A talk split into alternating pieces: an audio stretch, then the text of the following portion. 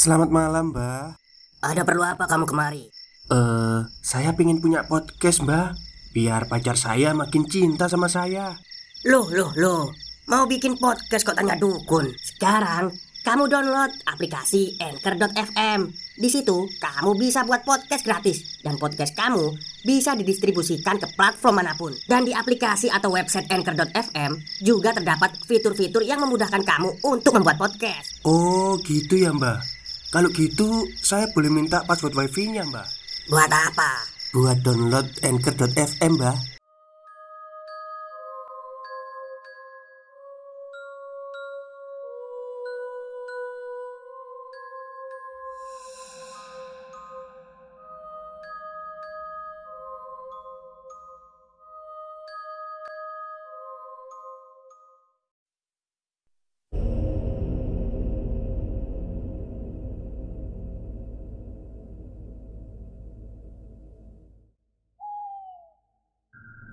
Assalamualaikum warahmatullahi wabarakatuh. Halo semuanya Jumpa lagi dengan saya Chow Sing Sing Kurator dari Podcast Horror Night Story.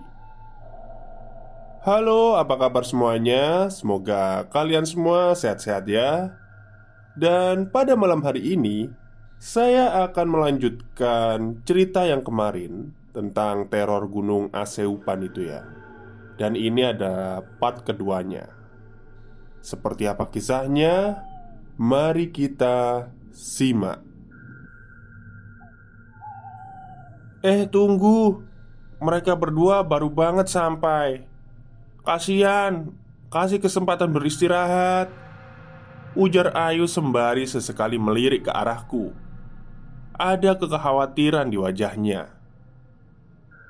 Setelah mereka selesai istirahat Baru kita lanjutkan lagi. Sambung Ayu lagi dengan perkataannya. Tenang aja Ayu. Kita lanjut jalan aja. Gue masih kuat kok. Jawab Tejo meyakinkan Ayu.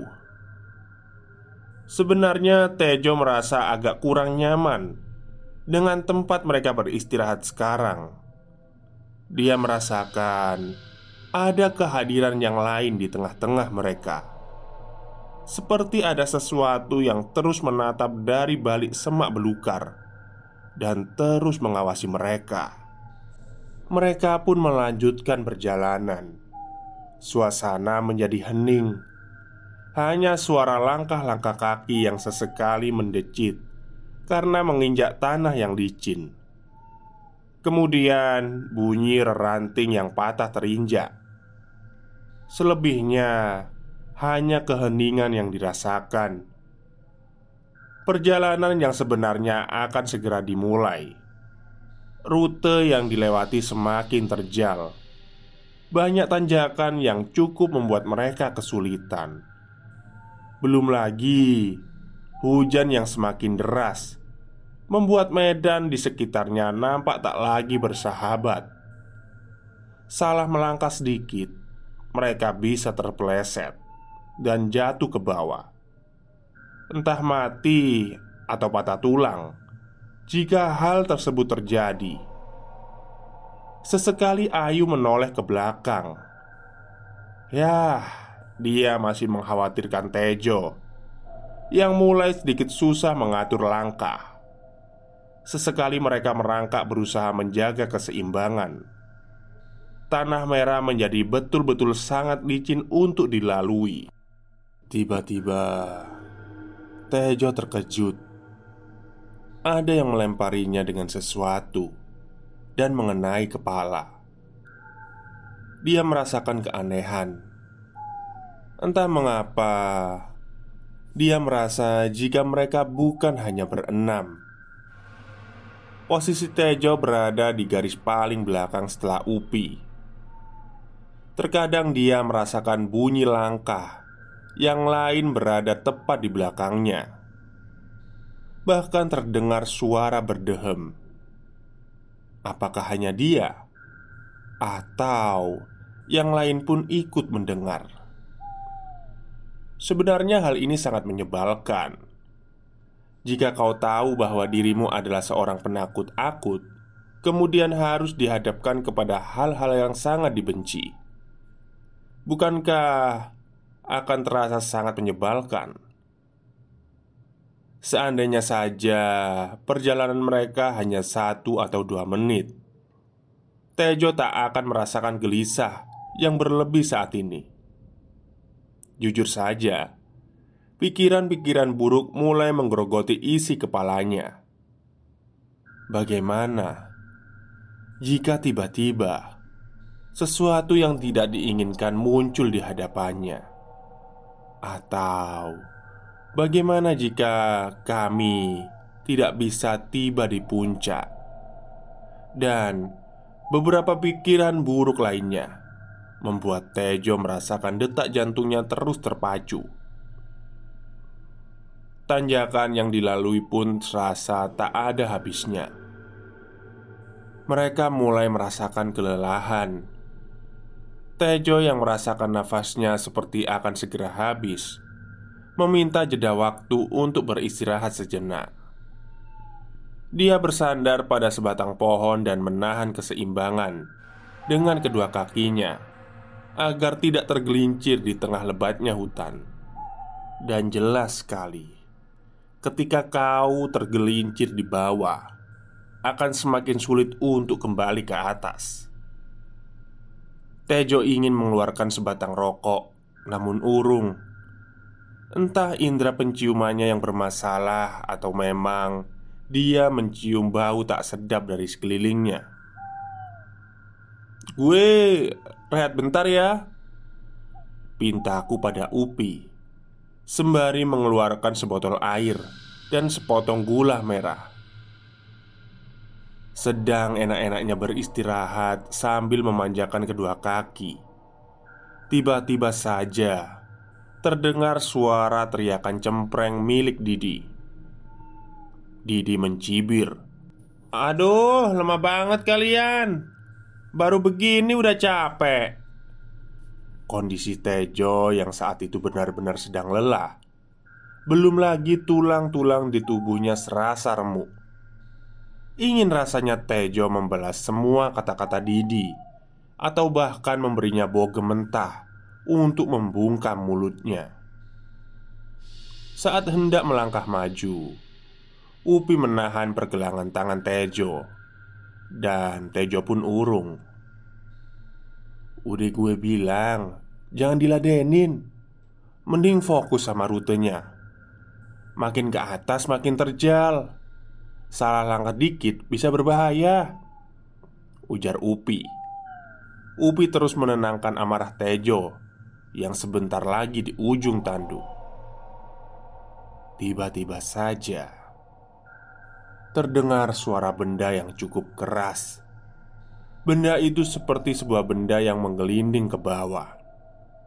Membuat aku dan Upi mencari sumber arah suara itu Ternyata suara itu adalah sebuah batu yang cukup besar Seukuran galon air Batu itu seperti sengaja digelindingkan ke bawah oleh entah siapa Batu itu dari mana, Pi?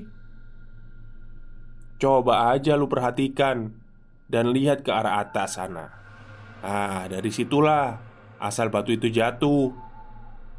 Upi menunjuk ke atas.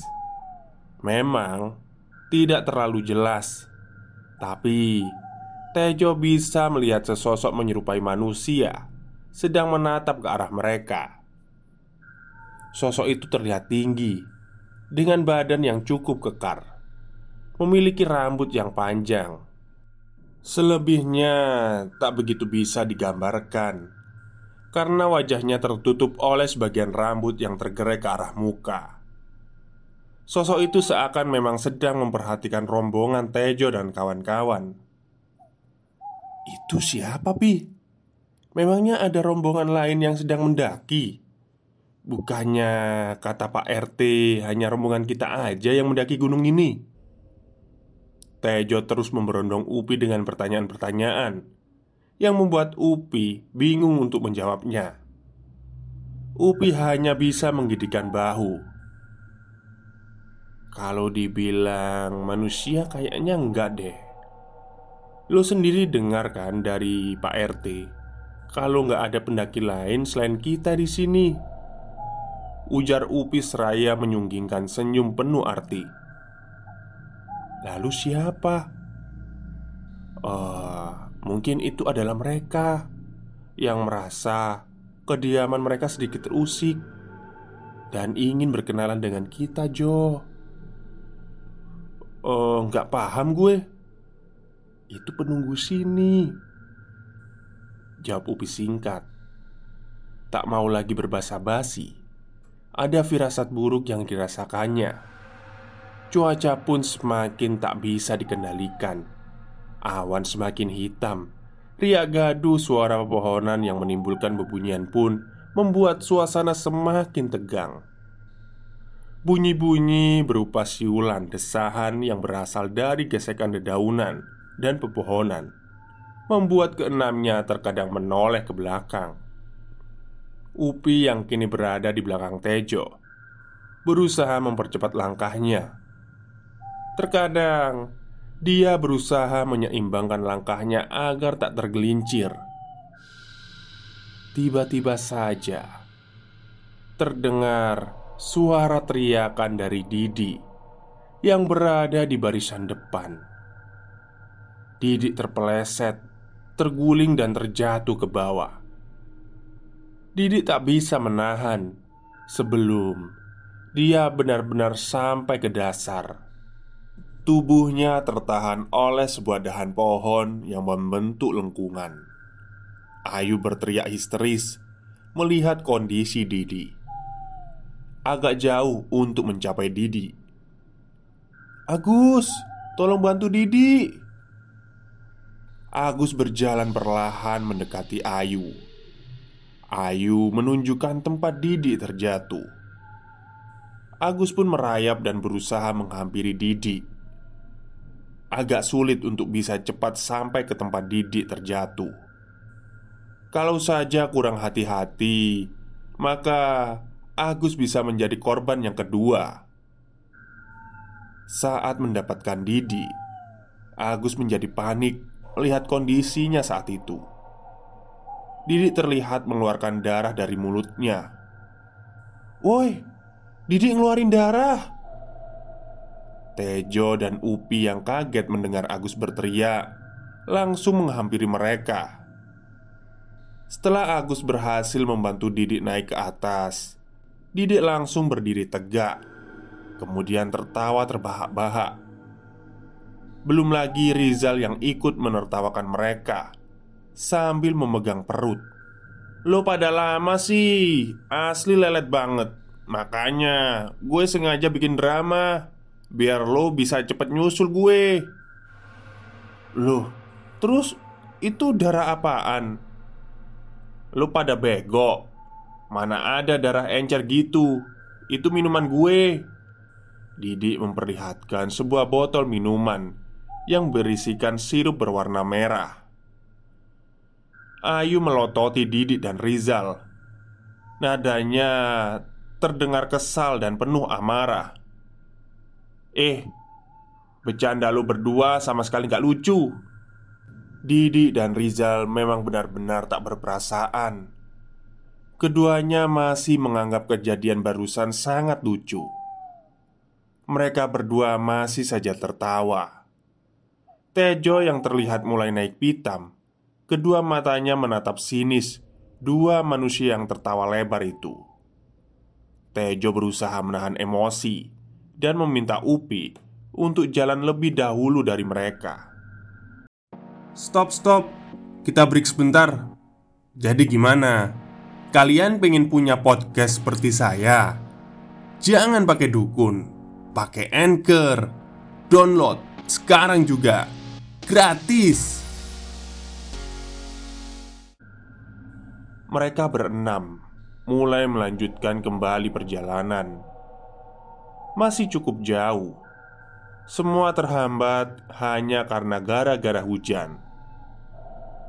Gue dan Upi pun sekarang berjalan paling depan. kami berdua benar-benar mempercepat jalan kami agar segera sampai di area tempat mendirikan tenda.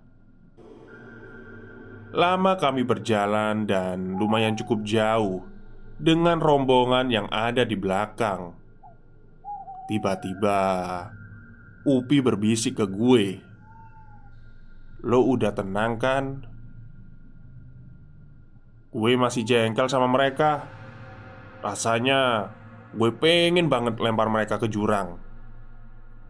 Shh, jangan menghiraukan atau menatap sosok yang ada di depan kita sekarang. Ujar Upi dengan suara pelan. Kepalanya langsung tertunduk. Tejo menundukkan kepalanya dan menengok ke arah Upi.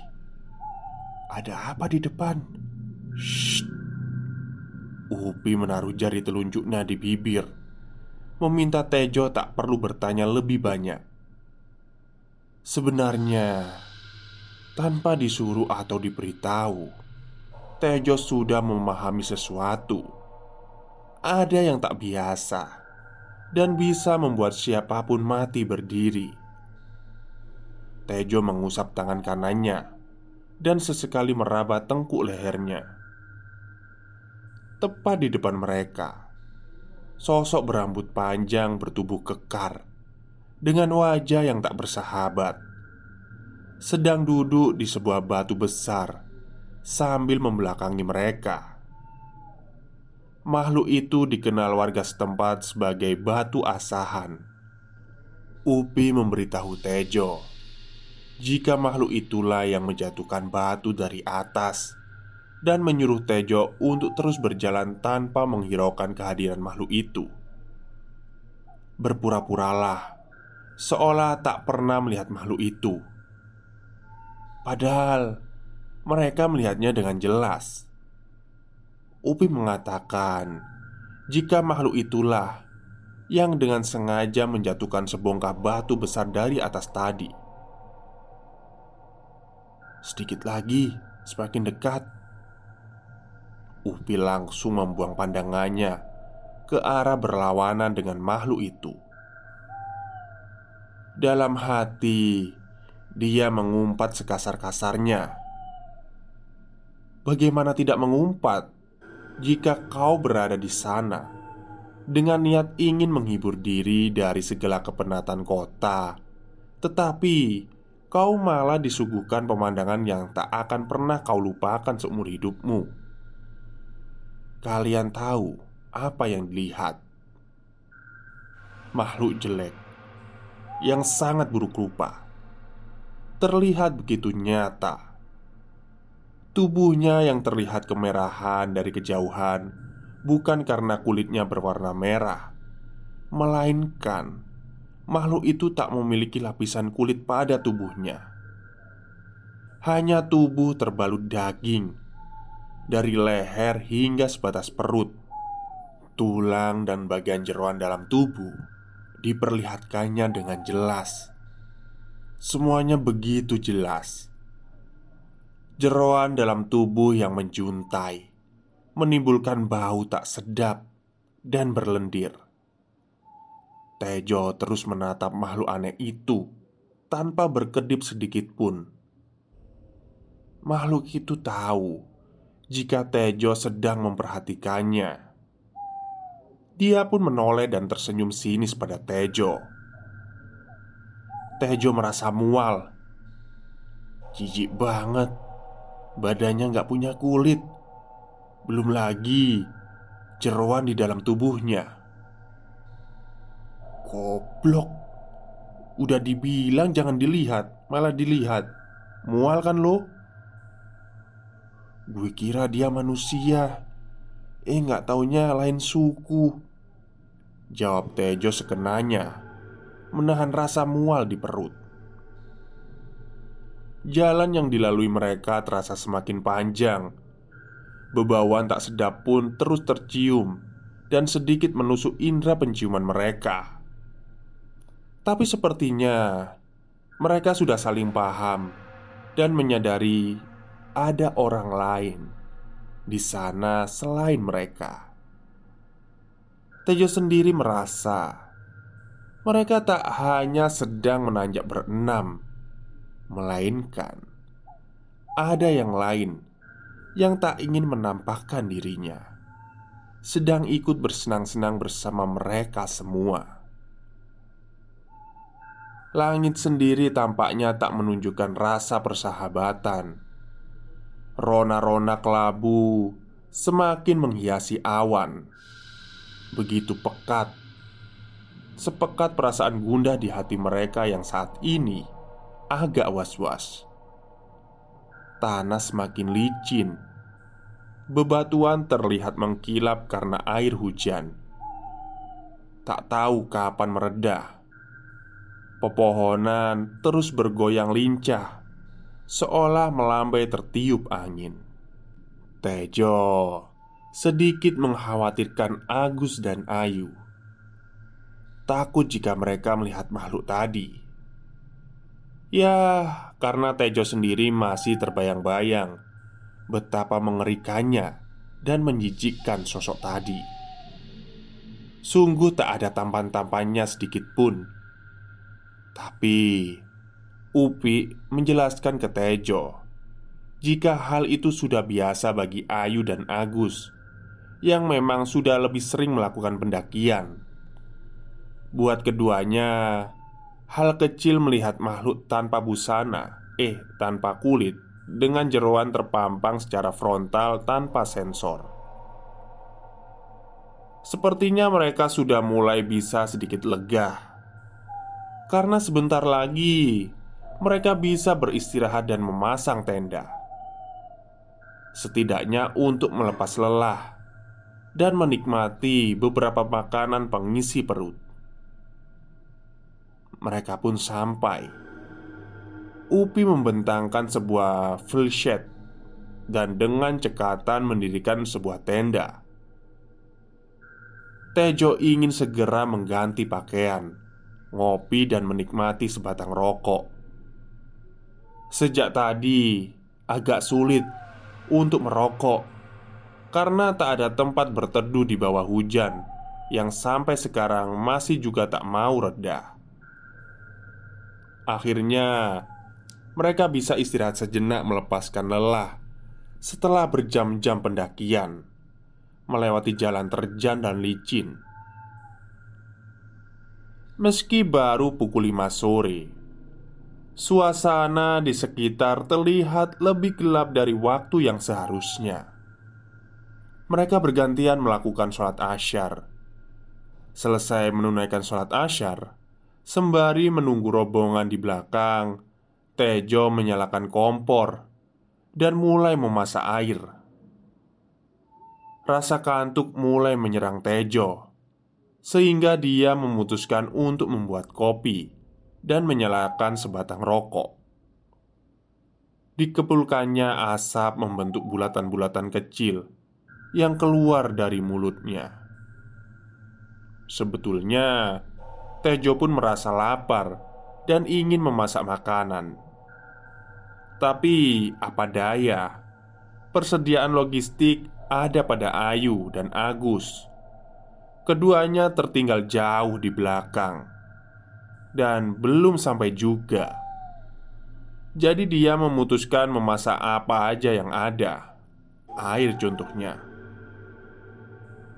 Keadaan di sekitar mereka mendirikan tenda benar-benar menimbulkan perasaan tak nyaman. Begitu sunyi dan hanya terdengar suara hujan saling saut menyahut tanpa henti. Perlahan Kabut pun turun Setelah sholat Sambil menunggu rombongan yang di belakang. Gue pun langsung nyalahin kompor buat masak air.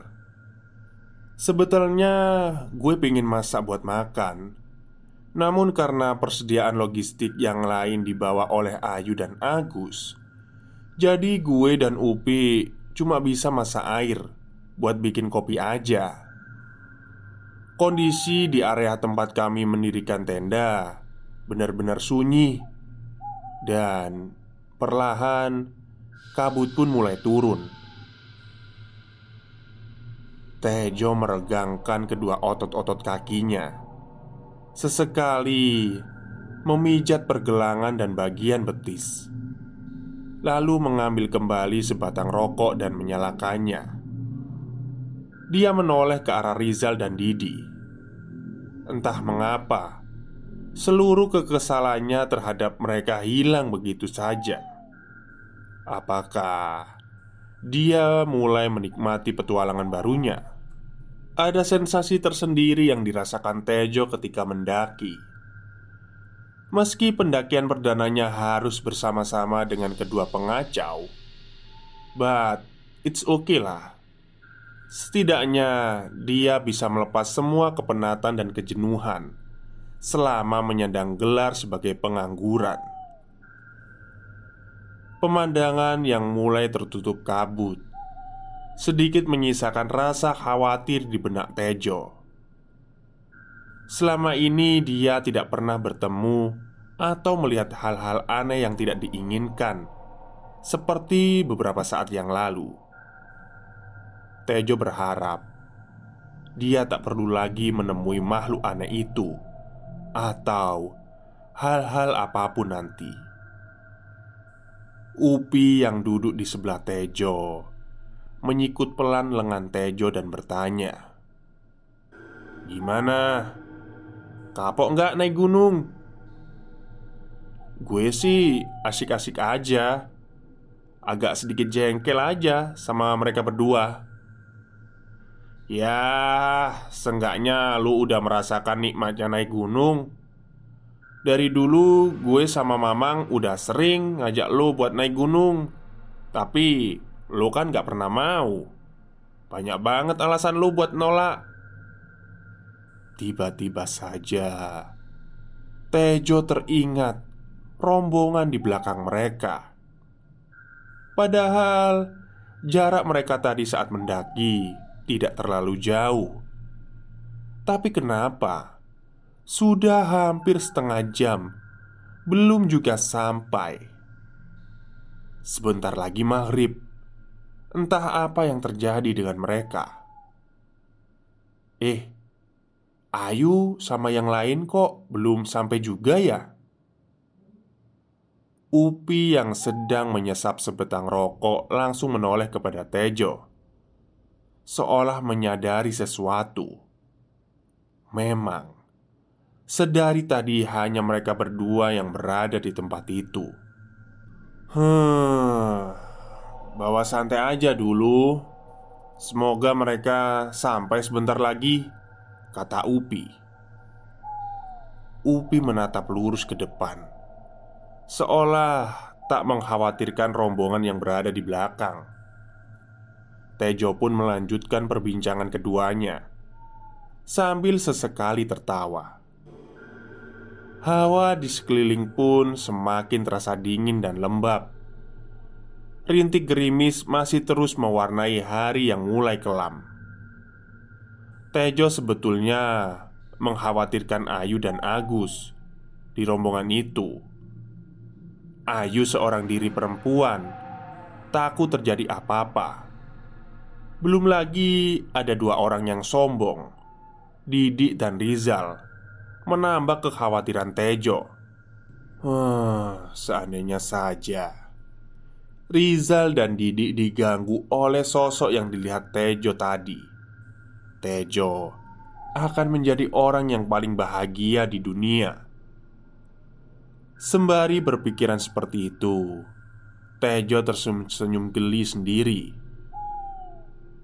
Tanpa terasa, maghrib pun datang. Tejo dan Upi bergantian untuk sholat. Hingga selesai menunaikan sholat maghrib Keempatnya masih belum juga tiba Hal itu membuat Tejo sedikit gusar Tejo yang mulai blingsatan karena khawatir keempatnya belum juga tiba Mengutarakan niatnya kepada Upi Untuk menyusul mereka Tapi Bukannya memperbolehkan Upi justru melarangnya karena hari sudah malam. Entah bahaya apa yang mengintai jika mereka niat untuk mencari mereka. Tejo benar-benar heran. Kenapa sepertinya Upi tak mempedulikan mereka berempat? Tak perlu khawatir dengan Rizal atau Didi. Setidaknya mengkhawatirkan Ayu dan Agus. Kalau Rizal dan Didi dimakan hewan buas pun Tejo malah merasa senang. Tejo berjalan mondar-mandir. Sesekali kembali ke dalam tenda. Kemudian begitu seterusnya. Akhirnya dia memutuskan menyalakan kembali kompor dan menyeduh kembali segelas kopi. Perut milik Tejo sebetulnya sudah meronta-ronta sejak sejam yang lalu. Tapi di dalam tas Upi dan Tejo hanya berisi kopi dan cemilan. Waktu berjalan sangat cepat.